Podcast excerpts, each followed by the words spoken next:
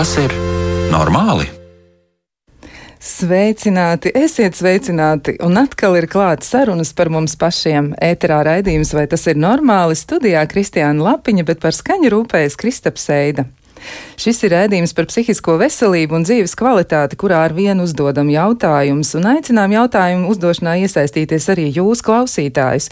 Sūtiet savas pārdomas, atziņas, idejas vai raidījumu uz raidījumu elektronisko pasta adresi, vai tas ir normāli at Latvijas radio.lv, un varat sūtīt ziņas arī Latvijas radio mājaslapā, atver, atver, atrodot raidījumu, vai tas ir normāli, ziņojumu lodziņu, un, protams, noteikti aicināsim arī jūs raidījumu laikā zvanīt, un atgādināšu, ka tālu tālruņa numurs ir 67 222 888. Šo, šo, šodien raidījuma temats ir apzinātība un kā to izmantot, lai apgūtu ko jaunu. Un e, mēģināt arī mazināt trauksmi un arī citus diskomfortu izraisošus stāvokļus. Un e, tāpēc arī esam aicinājuši raidījumu viesus Pie mums virtuāli tā teikt ir Ansis Jurģis Stabingis, apzinātības praktiķis un psihologs. Sveicināts! Jā, un vēl ir arī Ilona Krone, psiholoģijas doktore, psiholoģija apzinātības skolotāja, bet izskatās, ka mums kaut kas ar sakariem ir noticis uz kādu brīdi, bet mēs ar to visu tiksim skaidrībā.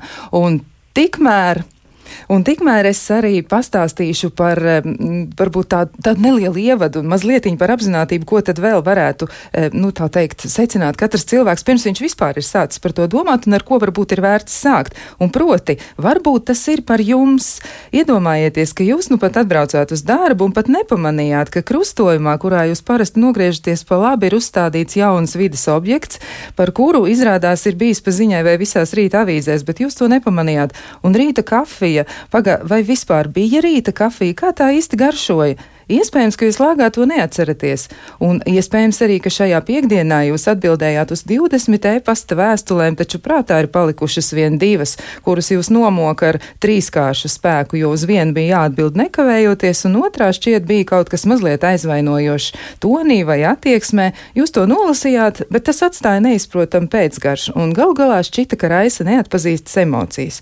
Doma, ka kaut kas sen vairs nav kārtībā, kaut kur fonā ir, Tā ir neatpazīta, lāgā neizprotama, bet tā tur kaut kur atrodas. Un cilvēki reizēm vairs neizjūt dzīvi un sevi steiga, pienākumi, ļoti daudz dažādu lietu, kas ir jādara, nebeidzama informācijas plūsma un pastāvīga spriedzi ir atņēmusi spēju pievērsties pašam sev un tam, kas īsti notiek.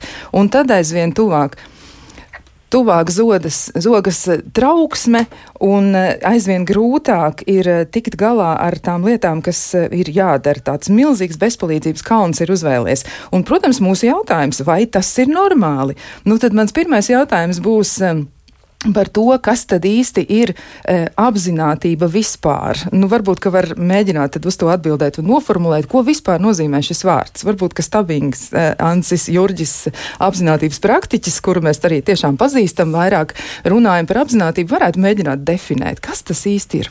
Kas, kas īsti ir apzinātība? Jā, kas ir apzinātība? Nu, šim uh, šim vārds, šis vārds ir diezgan plašs un diezgan daudz nozīmes un diezgan, diezgan daudz nozīmīgs. Viņš ir uh, par apziņotību. Nu, tos pēdējos gadus, ko es esmu stāstījis, tad es esmu pats redzu, kā es stāstu dažādos veidos par to, kas ir apziņotība. Bet tas pats nu, pēdējais, pēdējā laikā es par apziņotību stāstu tā, ka var par apziņotību runāt trijos līmeņos. Tas ir apziņotība, varbūt tā kā spēja, apziņotība ir kā prasme, un apziņotība ir kā stāvoklis. Spēja tas ir līdzīgi kā mums ir spēja kustēties vai spēja lietot valodu. Nu, tā ir iedzimta spēja, kur vienkārši mums visiem jau ir. Un tas ir, mums ir spēja būt apzinātiem. Mums cilvēkiem ir spēja būt apzinātiem. Un ja mēs šo spēju darbinam, tad tā ir darbība tāpatās kā runāšana vai kustēšanās, tā ir darbība, ko es daru. Un, un ja es šo spēju attīstu un uh, attīstu mērķtiecīgi, ilgstoši, ilgāku laiku, tad tā kļūst jau par stāvokli. Tas ir, tas ir nu, es varu būt apzināta stāvoklī un neapzināta stāvoklī. Tas piemērs, kur tu aprakstīji, ka brauc uz darbu un tur īsti ne, nepamani, pa kuru ceļu brauc vai kas uz stūra, tas ir. Es neizmantoju šo spēju, es nebiju apzināts. Ja es nezinu, vai es dzēru kafiju vai nedzēru kafiju, vai es esmu tur paņēmis līdzi kaut ko vai nepaņēmis, tad es neesmu bijis apzināts, vai es neesmu šobrīd apzināts. Un tad man nav tā, es neizmantoju šo iedzimto spēju. Un tad, ja mēs vēl mazliet dziļāk paiet, kas tad ir tā, kas tad tā ir par spēju? Šī spēja ir um, zināt sevi, zināt, ku, kur es esmu, ko es daru, kas ar mani notiek, ko es redzu, ko es jūtu, ko es domāju. Kur, kur, nu, kas ar mani notiek? Un liekas, jau, nu, nu, kā, kā, nu, kā tad var būt, ka cilvēks nezina, kur viņš ir un ko viņš dara. Bet uh, nu, tur jau tā lieta, ka tad, kad mēs esam neapzināti, mēs nezinām, ka mēs esam neapzināti. Mēs tikai pēc tam, nu, tas vecais stāsts, ka brauc no mājām uz darbu vai no mājām, no darba uz mājām. Es aizbraucu un es pēc tam konstatēju, ka pagaidi, paga, es nu pat tās pusstundas esmu sēdējis pie stūres, bet es neko no tā ceļa neatceros. Un, un tad tajā laikā es nevaru pateikt, kur es esmu un ko es daru. Tajā brīdī apziņotība ir pazudusi. Tā, tāda būtu tāda mana ļoti īsā un ātrā atbilde par to, kas ir apziņotība. Tāda ļoti īsa atbilde, jā. Nu, jautājums arī Ilonai Kronei, psiholoģijas doktorai, psiholoģijai un apziņotības skolotājiem, praktizētājai, kur arī ļoti daudz, manuprāt, pievēršas zinātniskajam pamatojumam. Nu, kas ir tas, ko tu teiktu? Kā tad īsta apziņotība varētu skaidrot? Varbūt tev ir vēl kas sakāms par šo visu. Jā, es atvainojos, es no sākuma varbūt uh, kaut kur no, nosūt nedzirdēju uh, pašu sākumu, ko teica um, kolēģis, bet uh, tas, ko dzirdēju, viennozīmīgi var piekrist. Un, es droši vien no savas puses varētu pielikt klāt, ka uh, apzinātība noteikti ir tāda sava veida attieksme, kā mēs uh, attiecamies pret uh, lietām, notikumiem dzīvē un vēl arī šajās programmās, kas. Um, Jā, kā tu Kristiāna minēji, kas kā ir tā pētītā daļa vai pierādītā daļa, kas ir uh, stresa mazināšanas un uh, depresijas uh, recidīvu mazināšanai, tad uh, nu, tiek uzrunāti šie tādi savi veidi astoņi principi, kas caur apziņotību var ienākt man, manā dzīvē. Un, jā, es varbūt dažus no tiem varu nosaukt. Jā, tas būtu lieliski. Jā. Un, uh, pirms varbūt es um, veltu tam laiku, es vēl noteikti gribu uzsvērt, ka uh, apziņotība ir arī tāda spēja ielūkoties dziļāk. Uh, nu, kā, tas nav tikai tāds varbūt uh, virspusējais līmenis, mēs mācāmies redzēt vairāk, redzēt dziļāk, līdz ar to, kad varam būt šajā uh, brīdī un kontekstā. Jā, bet, uh, princips, kas ir, uh, ko uzrunās tad, uh, šīs programmas, uh, ir tā saucamais iesaucēju prāts, kad um, jā, es katru to mirkli nāku nevis kā tāds eksperts, es zinu, kā būs, es zinu, ka nebūs vai, vai, vai prognozēju, bet esmu atvērts līdzīgi kā bērni. Viņi kā lielām acīm skatās uz visu un viss ir kā jauns. Un, uh, tas noteikti ir veids nevērtēt uh, not, notiekošo. Tātad, lietas ir tādas, kā ir. Ja mēs uh, paliekam kopā iepriekš dzirdēto, ja, tad uh, mans acis redz to, ko viņas redz, dzird to, ko dzird. Tas nav ne labi, ne slikti, tas ir tā. Un uh, noteikti uh, ir sava veida arī tāda pacietība. Mums ir viena no liekas, tādām ciešanu būtām, ir tas, ka mēs gribam, lai notiek lietas ātri, uh, ātri pāriet, uh, kādas emocijas ātri mainās, kāda notikuma, bet apzinātība uh, savā ziņā māca vai palīdz būt uh, jā, tādā pacietībā. Mēs nevaram iestādīt uh, sēklu un tad ik pēc brīdi, brīža jau rakstu viņu ārā un skatīties, vai jau iet mums ir um, savā ziņā, jā, dot šo iespēju kādām lietām mainīties. Arī tā ir attieksme, nu, tā netiekties visu laiku, neprasīt, ne, negribēt uh, to un negribēt šo, bet jā, pieņems uh, to, ko piedāvā. Uh, bet nu, šeit mēs varam iet uh, sīkāk, uh, varbūt vēlāk. Jā, tā ideja, ka uh, to tendenci mazliet uh, pavērot, apzināties, kā mums ir tendence uh, doties prom, gribēt kaut ko citu nekā, nekā tas ir. Un uh, arī savā ziņā tāda mm, uzticēšanās princips, kad Jā, es varu uzticēties sev, es varu uzticēties uh, savām izvēlēm, tad, kad es esmu uh, jā, kontaktā ar sevi, kas būtu šī varbūt, apzināšanās, kad es ne, nevis automātiski reaģēju uz stimulu, bet apzināti izvēlos. Arī tāda atzīšana, uh, ka jā, uh, man ir piemēram sāpes, vai man ir tādas domas, vai tādi notikumi. Un tā ir pašā laikā atzīt un uh, ļaut iet, nepieķerties, zinot, ka visam ir sāpes un beigas vai pārējoši, un arī tāda labvēlība. Bet gribētu teikt, ka jā, šie ir tie principi, uh, kuri ienāk uh, programmās apzinātības un caur tā saucamajām formālajām praksēm vai meditācijām, par ko mēs droši vien runāsim vēl vēlāk, tad arī šos principus mēs um, savā ziņā trenējam vai attīstam. Jā, teici, tu teici par ciešanu mm. jā, ja es pareizi mm. dzirdēju, jā, par, jā, to, jā. par to trauksmēnību un steigu un eh, nebeidzamo mm. ri, vāveres riteni, kurā mēs visi skrienām, ir tik ļoti, mm. ļoti grūti apstāties. Iespējams, tas varētu būt veids, un es noteikti arī aicināšu mm. jūs varbūt pastāstīt arī par tādām praktiskākām lietām mazliet mm. vēlāk. Bet klausītāji jau ir iesaistījušies, un Jāna mm. mums raksta, viņa jautā, vai arī, nu tā, gribētu precizēt apzinātību, vai tā nav kāda austrumu filozofija, kas izriet no tālu austrumu reliģijām, ko rietumnieki ir pārpratuši, kā viņi raksta, un atkal pārvērtuši par kaut ko savu. Nu, varbūt vispirms komentāru, tad es lūkšu tagad, tagad atkal savukārt Ansim, un pēc tam Ilona noteikti varētu ko piebilst. Kā tad ir? Jā. Apzinātība ir mūsu cilvēku spēja, viņa nepieder ne rietumniekiem, ne austrumniekiem, viņa nepieder ne ateistiem, ne filozofiem, ne reliģioziem cilvēkiem, nekam tādam. Vienkārši mēs Eh, nu, ir, ir tas, tas man patīk, droši vien ir dzirdēts jau, un es esmu stāstījis daudzas reizes, bet piemēram ir tautas dziesma. Un tā tautas dziesma ir tāda šurpu turpu, vējiņš, loka smalku, va, līnu tīrumiņu, šurpu turpu, mans prātiņš, kad prātam vaļu ļauju. To es esmu atradzis tur tautas dziesmu krātuvē, vai, vai prāts man šur, prāts man tur prātam vaļas es neļāvu, bija manam augumam prātu dēļ kaunu nest. Un tās ir tautas dziesmas, un par ko tās ir? Tās ir par, par, par prātu, par to, ka prāts, ja prāts netiek pieskatīts, tad viņš klīst vis kaut kur apkārt. Un, ja prāts klīst vis kaut kur apkārt, tad um, mēs ciešam, mēs pieredzam ciešanas. Un tas ir, mēs ne, ja mēs nepārvaldam savu prātu, ja prāts klīst apkārt, tad, tad mēs pieredzam to, mēs pieredzam kā ciešanas. Tas ir tādā laiku valodā izteikts, un tas ir latviešu tautas dziesmās.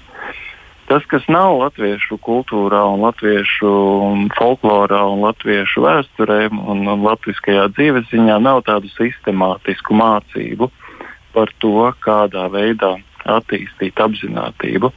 Tas, tas, ko mani kolēģi arī iepriekš minēja par šīm lieliskajām attieksmēm, par laipnību, un pacietību, un labestību un labvēlību, par tādiem veiksmīgiem prāta stāvokļiem, mums ir tautas dziesma, liku bēdu zemakmeņu pāri gāja dziedādams.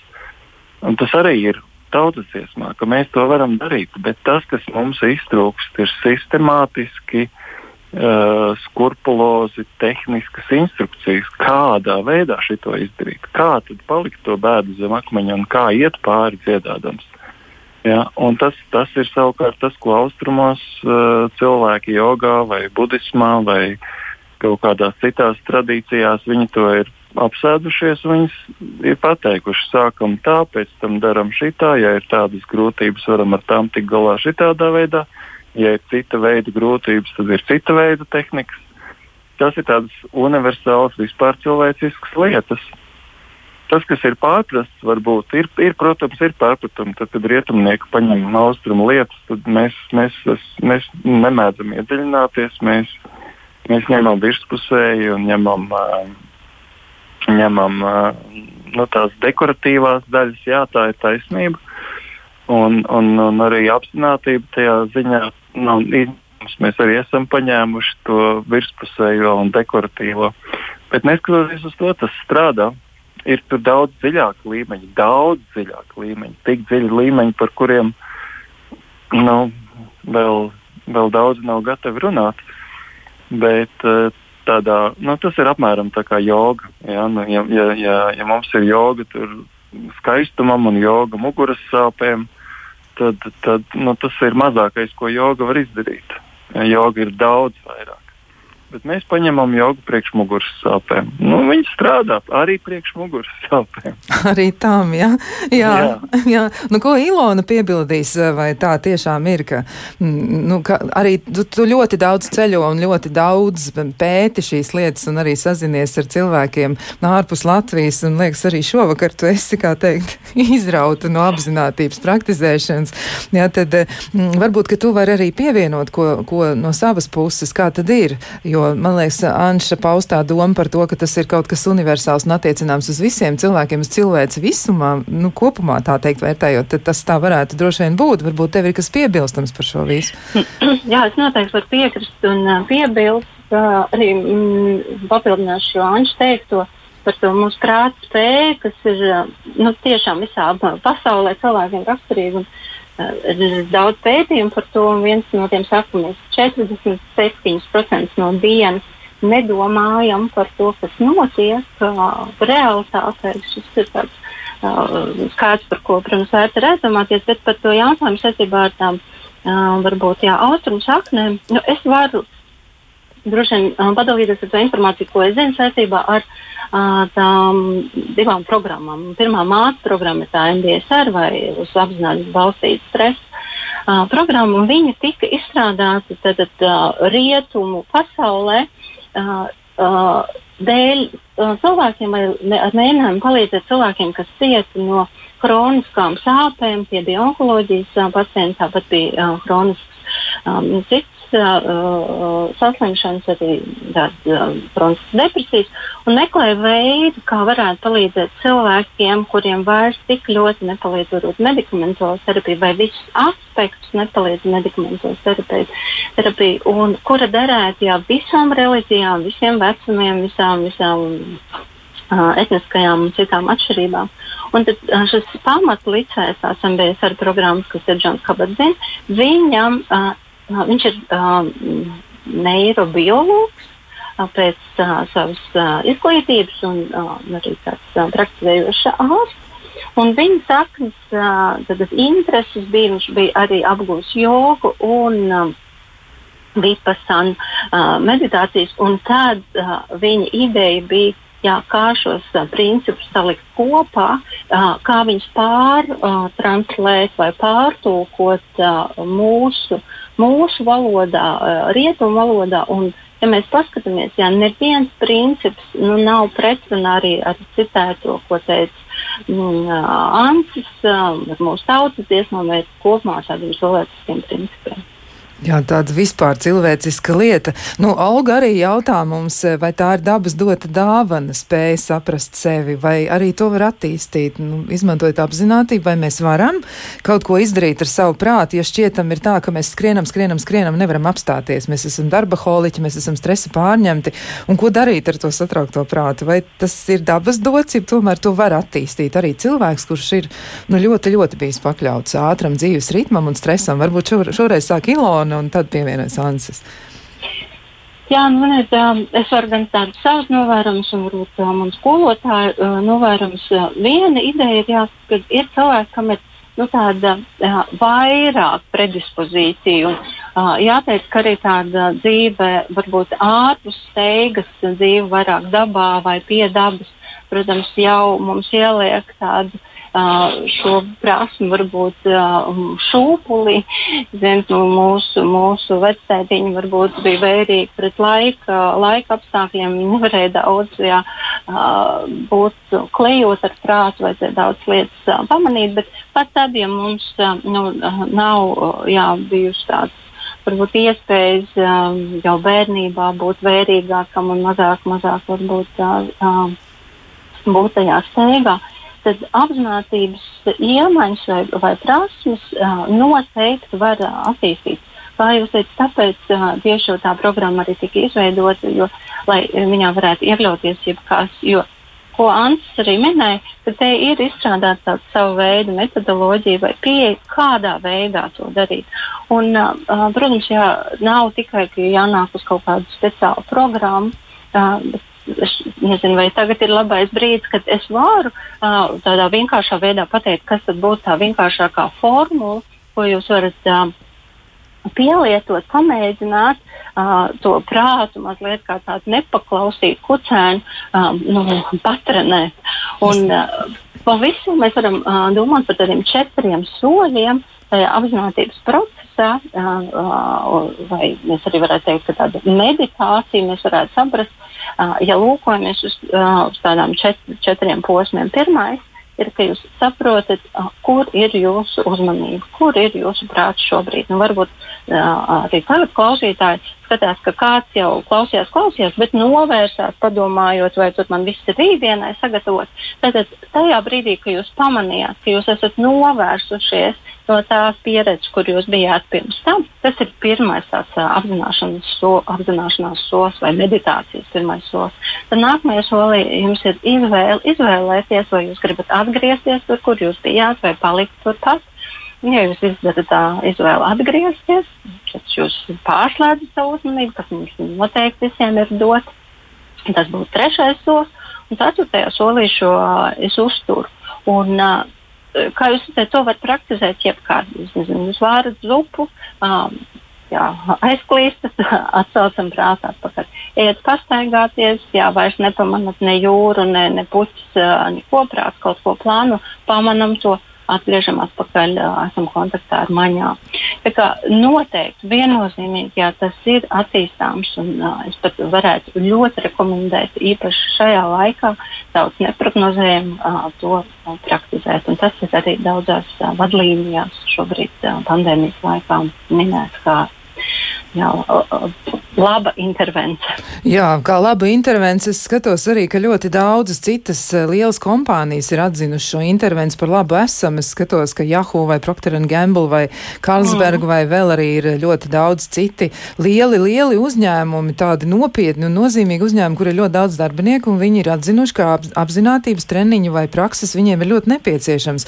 Nu, varbūt arī Ansis var ko piebilst arī ar tādu praktisku, kā saka, piesitienu, kur mēs pēc tam varbūt attīstīsim arī raidījumu otrajā daļā. Nu, šis bija ļoti labs ieteikums. Klausāmies radio vai varbūt darām citas lietas, vai tiešām vāram zupu varbūt nedēļai un spējam jau kaut ko darīt. Varbūt vēl kāda ideja vai piedāvājums klausītājiem. Jā, nu mēs, mēs varam uh, kādā veidā saliekot kopā atbildus uz pirmo jautājumu, kas ir apziņotība, un uz to pēdējo jautājumu, vai katrs to var attīstīt. Jā. Mana atbilde ir tāda, ka jā, katrs to var attīstīt. Un, uh, ir līdzīgi kā ar citām lietām. Dažiem tas izdosies vieglāk, citiem varbūt bišķi, bišķi grūtāk, bet to potenciāls ir mums katram. Ikvienam tas ir iespējams. Un no vienas puses šis jautājums par ja kādam tas ir vieglāk un kādam tas ir grūtāk, nu, tas pat nav svarīgi. Jo jautājums, kā tas ir man, nu, un es varu attīstīt savu apziņotību. Jebkurš mēs varam attīstīt savu apziņotību. Un tad atgriežoties pie pirmā jautājuma, kas ir apziņotība? Es teicu, apziņotība ir stāvoklis, un kas ir pretējais stāvoklis, jeb neapziņotības stāvoklis. Tas ir, var teikt, autopilota jeb, jeb tāds uh, robota, jeb zombijas stāvoklis. Tas ir tad, kad es nezinu, kur es esmu, ko es daru, un es darbojos automātiski. Un, uh, tas Ilona teiktais vienkārši pievērst, kur ir mana uzmanība šobrīd, jeb cits jautājums. Kas ir tas, kas notiek šobrīd? Ko es, ko es daru šobrīd? Un viena lieta ir, ko es daru ārpusē, piemēram, es tur sēžu vai stāvu vai eju vai taisu zupu, bet ko es daru iekšpusē? Es krenķējos, es raizējos, es fantazēju, es atceros, es domāju, es kaut ko. Kas notiek manī iekšā, manā prātā? Un, uh, jautājums, vai tas, kas notiek manā prātā, vai tas ir kaut kas labs? Ja, piemēram, es krenķējos par to, kas tur ārprāts rītā būs, vai, vai es raizējos par to, vai kā tur vakar nelāgi izgāja vai ne. Un jautājums, vai tas, ko es daru šobrīd, dara kaut ko labu, vai tas dod labu man, vai tas dod labu kādam citam. Un, ja mēs tā mazliet vērīgāk un rūpīgāk un paskatāmies, tad mēs redzam, ka tādi krēķi nedod labu nekad nevienam. Ja man ir kaut kāda problēma, viņu vajag risināt, bet nevis krēķēties par problēmu. Ja ir kaut kāda pagātnē bijusi kaut kāda lieta, tad to vajag ok, piedot, mācīties, bet nevis krēķēties par to, kas ir bijis pagātnē. Un, un, un tā no, viens no veidiem, lieliski tas, ko Ilona aprakstīja, jau uz, uz, uz, uz, uzdot šos, šo jautājumu, kur ir mans prāts, kur ir mana uzmanība, un tad veikt šos četrus soļus. Bet alternatīvs variants ir, e, kas ir arī ļoti apzinātība attīstošs, tas ir pauze. Vienkārši iepauzēt. Jo, ja mēs neiepauzējam, tad mēs turpinām darboties autopilotā. Iepauzēt pirms nākošās rīcības. Nesteigties uzreiz. Nu, ja man kāds uzdod kaut kādu jautājumu, varbūt neatbildēt uzreiz, atbildēt pēc sekundes, vai pēc divām, vai pēc piecām. Ja man kāds uzraksta dusmīgu e-pastu, neatbildēt uzreiz. Ja man gribās kādam kaut ko riebīgu pateikt, neteikt uzreiz, vienkārši pišķiņu paklusēt un atbildēt mazliet pēc tam. Tad es varu atbildēt mazliet sakarīgāk, mazliet jēdzīgāk. Jā, ļoti labi ieteikumi. Es domāju, ka mēs pie tiem arī paliekam. Nekur e eksperti nepazūd, jo mēs turpināsim sarunu pēc ļoti, ļoti īsa brītiņa.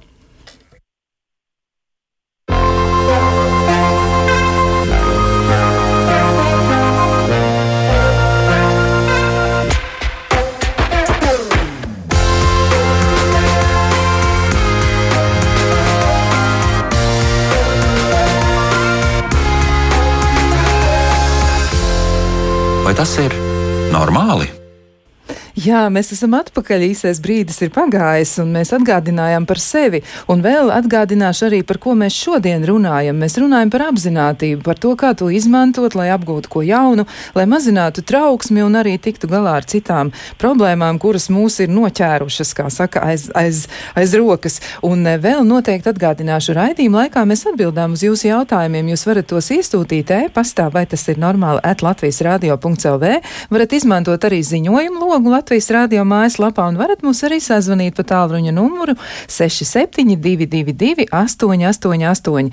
Un vēl, varbūt kāds jau ir pamanījis, bet um, kādam tas noteikti būs arī jaunums. Ir podkāsti ar šādu pašu nosaukumu, vai tas ir normāli? Tie jau ir ierakstīti, liela daļa jau ir noklausām, un tos jūs varat atrast Latvijas Rādio 1 mājaslapā, vai izmantojot LSM mājaslapu.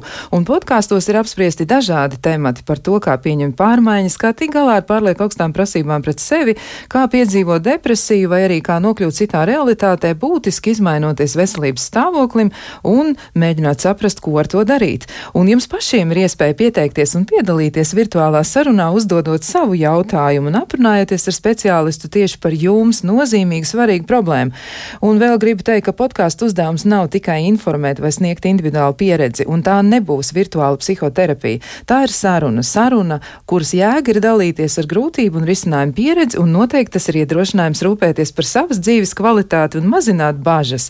Pieteikties jūs varat tieši tāpat sūtot īsu savu problēmas pieteikumu uz e-pastu, vai tas ir normāli, at Latvijas radio.lv, un mēs mēs ar jums sazināsimies. Bet atpakaļ pie temata. Tātad mēs runājam par apziņotību, par to, kā to izmantot, lai apgūtu jaunas lietas un palīdzētu paši sev.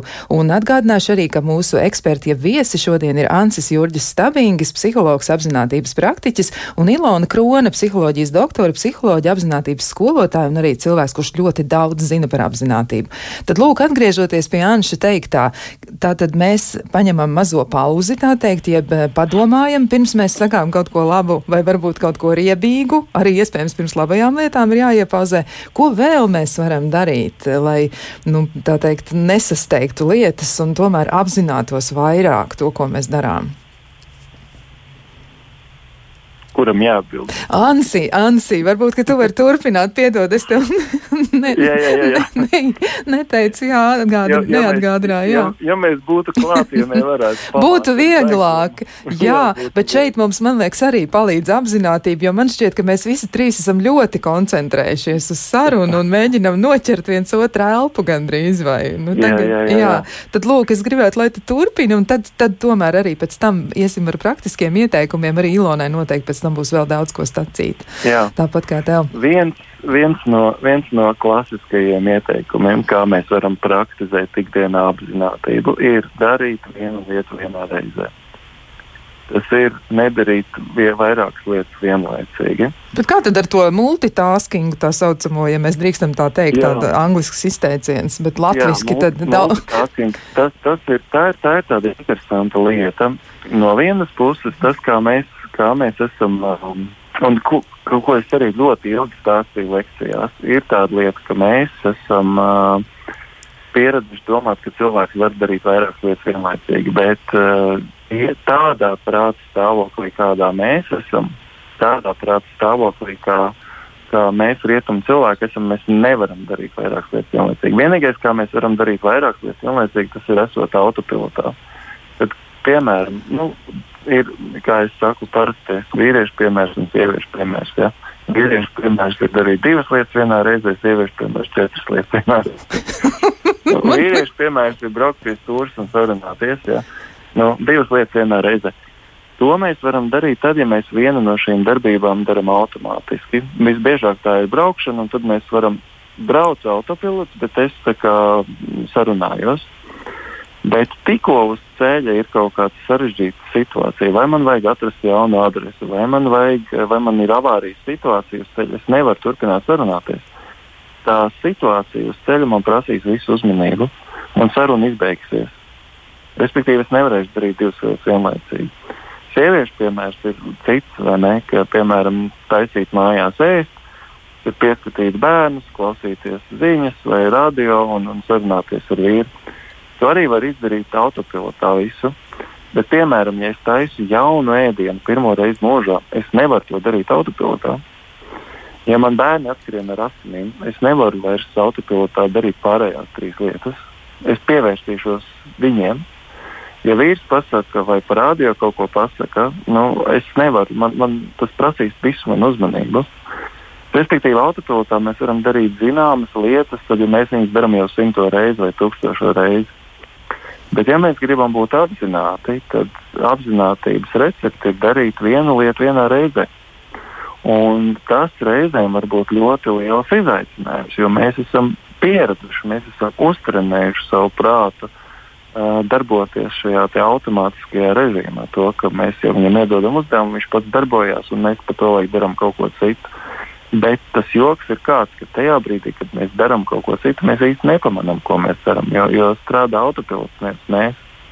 Un tad atkal ir šis latviskā folklora, pa kuru laiku nosirmoja jūra, pa kuru laiku bērni izauga, pa kuru laiku tur, tur kas tur dzīve pagāja. Un tā atbilde ir vienkārši par to laiku, kamēr mēs bijām autopilotā. Nepamanīju. Skarba atbilde. nu, jā, es, es nebiju klāt. Es nebiju, klā, es nebiju klātesošs tajā dzīvē, kas notiek. Es biju kaut kur citur, es biju fiziski, es biju klāt, bet es biju prātā, es biju darbos, vai problēmās, vai atmiņās, vai trauksmēs, vai fantāzijās, vai vēl kaut kur. Es nered, nepamanīju, pa kuru laiku jūra nosirmoja. Tas patiesībā ir nopietni. Tas tiešām Tas- ir nopietni. Jā, Nu, jā, jā, jā tas Daudzām izklausās lietām. smieklīgi, bet, uh, bet tāpēc, tāpēc es saku, mūsu folklorā ir simtiem norāžu uz apziņotību, vienkārši trūkst tādu sistemātisku pieejamību. Jā, nu, Māra mums raksta liels paldies par atbildēm. Lieliski eksperts studijā. Prieks, prieks uh, saņemt šādu komentāru, un man šķiet, jūsu atbildes ir ļoti vērtīgas. Es gribētu atgriezties arī ar jautājumu pie Ilonas.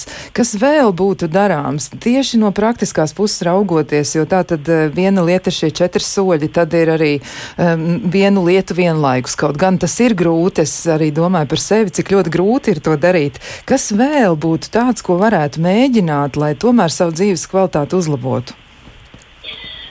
Jā, tu zini, es, droši vien apzinātības tāds labs princips ir varbūt netik daudz meklēt vēl kā, kā šo pašu, bet apzināti.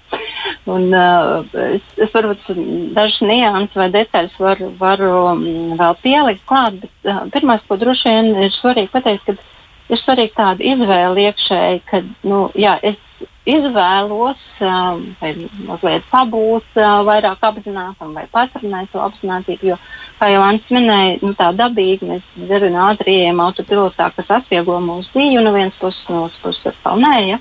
Bet tā ir tāda apzināta izvēle. Un otrs arī nav varbūt uh, jābūt gatavam, ka apzinātība nav tāda kaut kāds rozā brilles vai laimes brilles, un tagad es visu, visu redzējuši tādu jauku un gaišu. Nē, tā realitāte, mēs mācāmies ieraudzīt realitāti tādu, kāda viņa ir, un viņa ir dažādi. Tas savā ziņā ir tāds arī realitātes treniņš, un jo labāk es redzu, jo, jo labāk es varu risināt vai pieslēgties. Un uh, vēl būtiski, jo biežāk, kā nu, apzināties savā ziņā, kā tāds muskulis, jo biežāk es to praktizēju, jo stingrāks tas uh, kļūst. Un, uh, ja tas varbūt sākumā ir nu, grūti varbūt padzert savu mīļoto rīta tēju vai kafiju. Tiešām uh, viņu padarot ar visām maņām, sadzirdes sajūtu, sagaršo un tā tālāk. Tad ar laiku, jā, jūs varēsiet arī uh, uzturēt apzināti sarunu, dzirdēt un, un, un, un kā, uh, pamanīt, nevis domāt jau uz priekšu, ko atbildēt. Tā tas ir noteikti tāds um, spektrs, ja, ko mēs varam teikt. Bet tad, kā uh, vēl varētu attīstīt, tas ir ļoti vienkāršs, uh, ja mēs runājam par tādām uh, neformālajām saucamajām praksēm, ko mēs varam ikdienā darīt. Nu, viss tas, ko Ants teica, tikai es varu dot piemērus, ko nozīmē viena lieta vienā reizē. Jā. Jūs varat uh, tīrīt zobus un tiešām uh, apzināties, ka jūs viņus tīrat. Tātad, kur man te kaut kāds netīrums vai ir kā, kāda garša tai zobu pastē. Tad just ar savām maņām, jo ja jūs jūtat uh, vai uztverat pasauli ar maņām, tas nozīmē, uh, ka jūs esat apzināti. Jo ja es uzdodu šo jautājumu, kā, jūs, kā mēs zinām, ka mēs esam dzīvi, tad nu, droši vien būtu atbildi, ja elpojam un redzu, dzirdu, jūtu. Nu, šis ir tas brīdis, ja, kad jūs atļaujat sev būt dzīvam. Eju dušā un jūtu, kā ūdens nezinu, plost pa, pa, pa, pa ķermeni, sajūtu siltumu. Eju pastaigāt, jūs varat Tagad daudz staigā kājām, kas būtu droši vien ieteicams. Jūs varat praktizēt nezinu, vienu kvartālu pilsētā, ejiet un vērojiet nezinu, mājas, mašīnas, cilvēkus. Vienkārši ko es redzu nākamajā kvartālā, ejiet klausieties skaņas, trešajā sajūtas, kā ķermenis kustās. Šis ir viss tas pats, ko teica Ancis, viena lieta vienā reizē un par šeit un tagad, kas nozīmē redzu, dzirdu, jūtu ar savām maņām. Tas būtu, un tas ir nu, patiesībā ļoti būtisks šis maņu kontakts ar maņām no dažādiem aspektiem ir ļoti, ļoti, ļoti svarīgs. Jā, varbūt arī ir vēl kas eh, skaidrojams, piemēram, par emocijām. Man liekas, ka tas kopējais satraukums vai trauksmes līmenis arī kāds ir cilvēkiem, un arī tas, ka mums reizēm nāks saskarties ar tādām ļoti nu, smagām situācijām, kas ir ātri šķietam jārisina, un reizēm ir arī nu, dzīvē tādas lietas, kuras nu, nevar apiet, tās ir jāpiedzīvo, un tam ir kaut kā jātiek cauri. Bet kā ir ar emocijām vai apzinātības treniņu, apzinātības prakses varētu palīdzēt būt eh, nu, labākā kontaktā pašiem ar savām emocijām? Emocijām. Varbūt šoreiz tad Ilona sāk, un, un tad, ja ir Ancim, kas piebilstams, noteikti viņš varētu arī turpināt pēc tam. Nu, es varētu teikt, ka noteikti, jo nevelti arī tā pirmā programma saistīta ar stresu, zinām, stress arī nekur nepazūd, turpat arī nāk emocijas klāt. Nu, man liekas, būtiski, ko, ko, ko ir svarīgi varbūt pieņemt vai, vai saprast, ka apzinātība nepalīdzēs kaut kādā mērā nejust emocijas. Nē, taisnība otrādi, apziņotība palīdzēs būt ar emocijām, nemēģināt bēgt no viņām.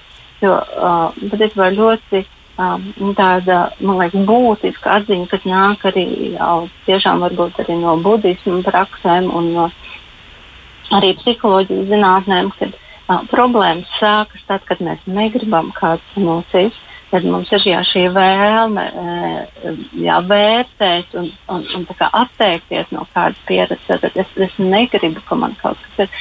Bet tas, ko dod apziņotība, ja palīdzēt ieraudzīt nu, šo emocionālo stāvokli bez tāda lieka ciešana filtra, piemēram, jā, ja man ir bailes, un es bailes varu uztvert caur visu, ko, nu, ko es varu pamanīt, tad, kādas man ir domas, kādas man ir uh, ķermeniskās sajūtas, kādas man ir uh, varbūt uzvedība, to vērot pašam, kā, būt apzinātam par savām reakcijām.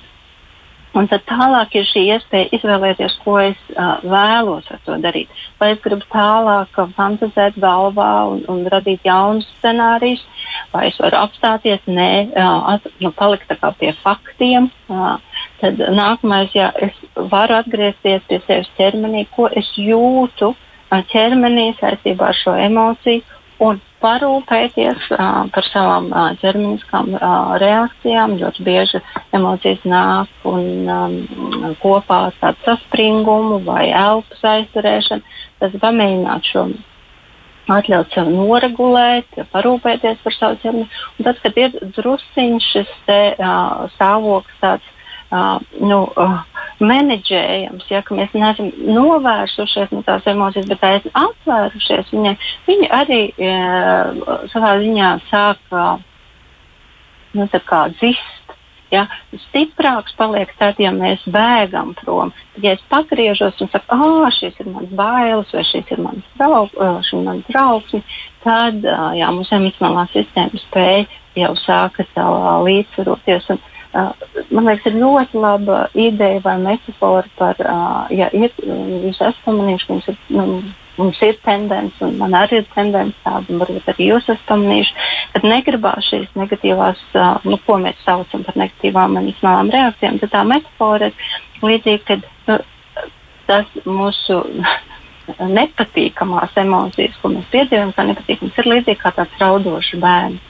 Nu, parasti jau mēs nebēgam prom, nestumjam viņu ārā citā istabā, bet taisnība otrādi jāpaņemam rokās, uzzinām, kas noticis, iepazīstam, un tad līdzīgi jā, šo arī savā ziņā palīdz trenēt apziņotību, būt ar to pieredzi, iepazīt viņu un tad tikai izlemt, kā reaģēt.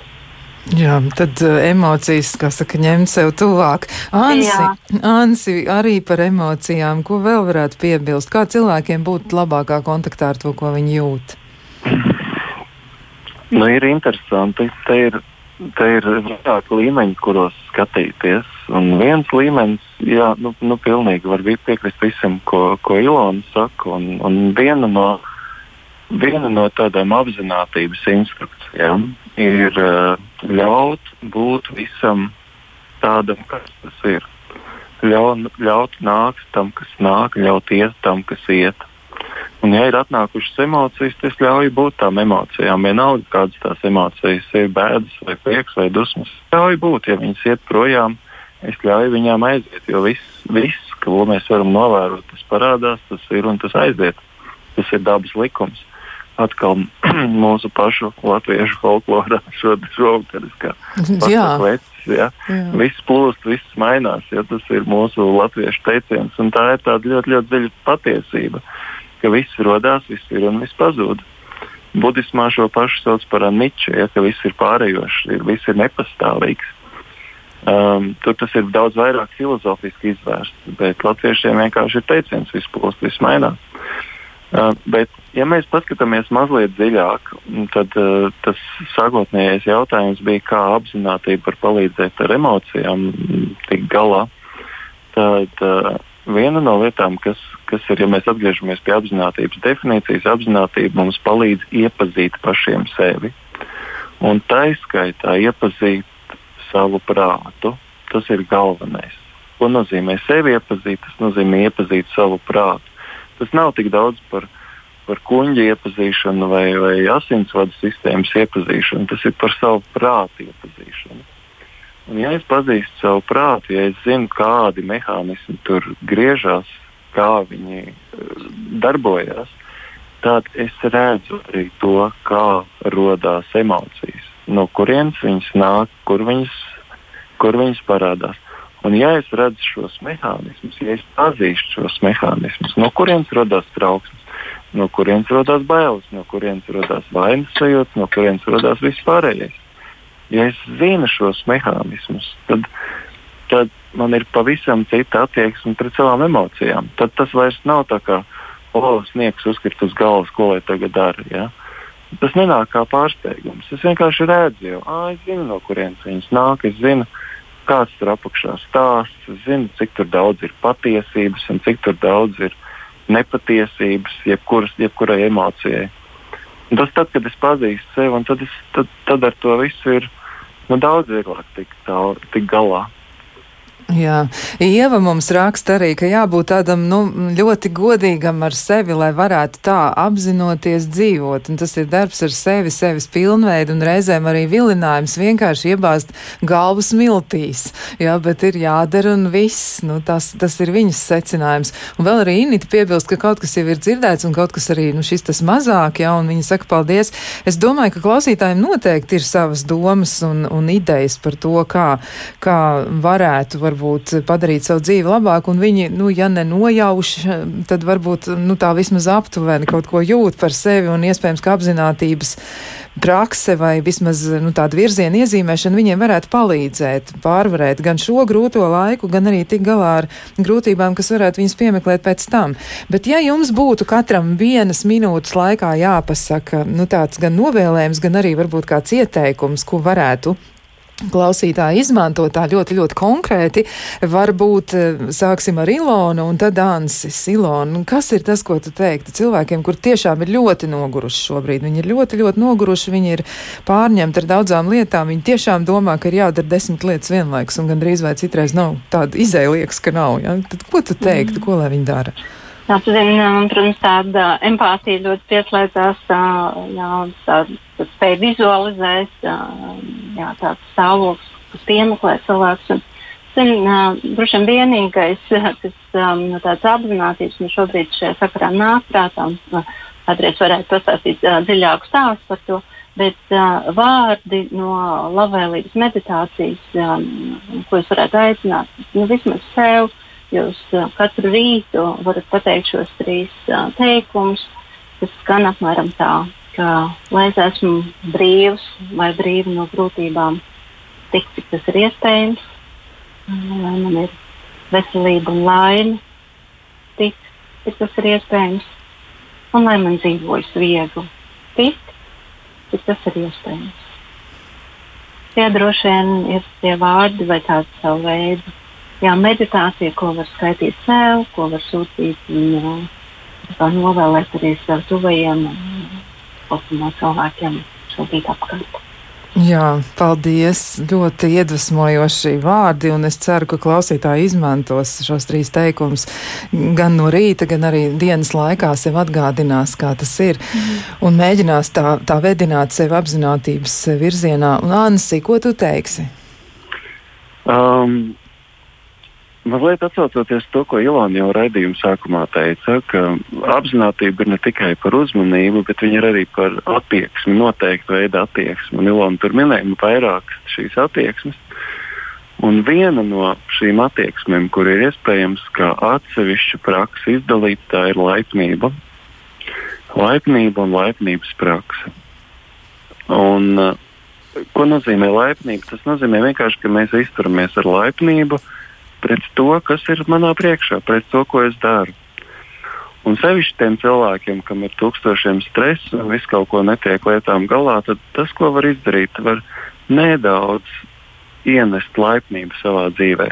Un tas nenozīmē, ka man tagad kaut kā baigi jāiesprings, bet vienkārši laipnība pašam pret sevi. Nu, man jau tā ir grūti, un ja es vēl tagad lamāju sevi, tad es sev nepalīdzu. Es varu būt laipns pret to, ka man ir grūti tad ienāk prātā domas, ar laipnību izturēties pret šīm domām, kas man ienākušas prātā. Ja man ir drēbītes, kuras es pa dienu esmu valkājis, es viņas lieku nost, es viņas ar laipnību nolieku. Man ir trauki, kurus es mazgāju, es ar laipnību mazgāju traukus, durvis, kuras es aizveru ar laipnību, es aizveru durvis. To pašu ieeju savā tajā pašā dušā vai mazgāju savus zobus, mazgāju to ar laipnību, savu ķermeni, savu, savus zobus ar, ar suņiem, ar kaķiem. Tur padzīt viņu prom no ēdiena ar laipnību, es viņu varu padzīt projām.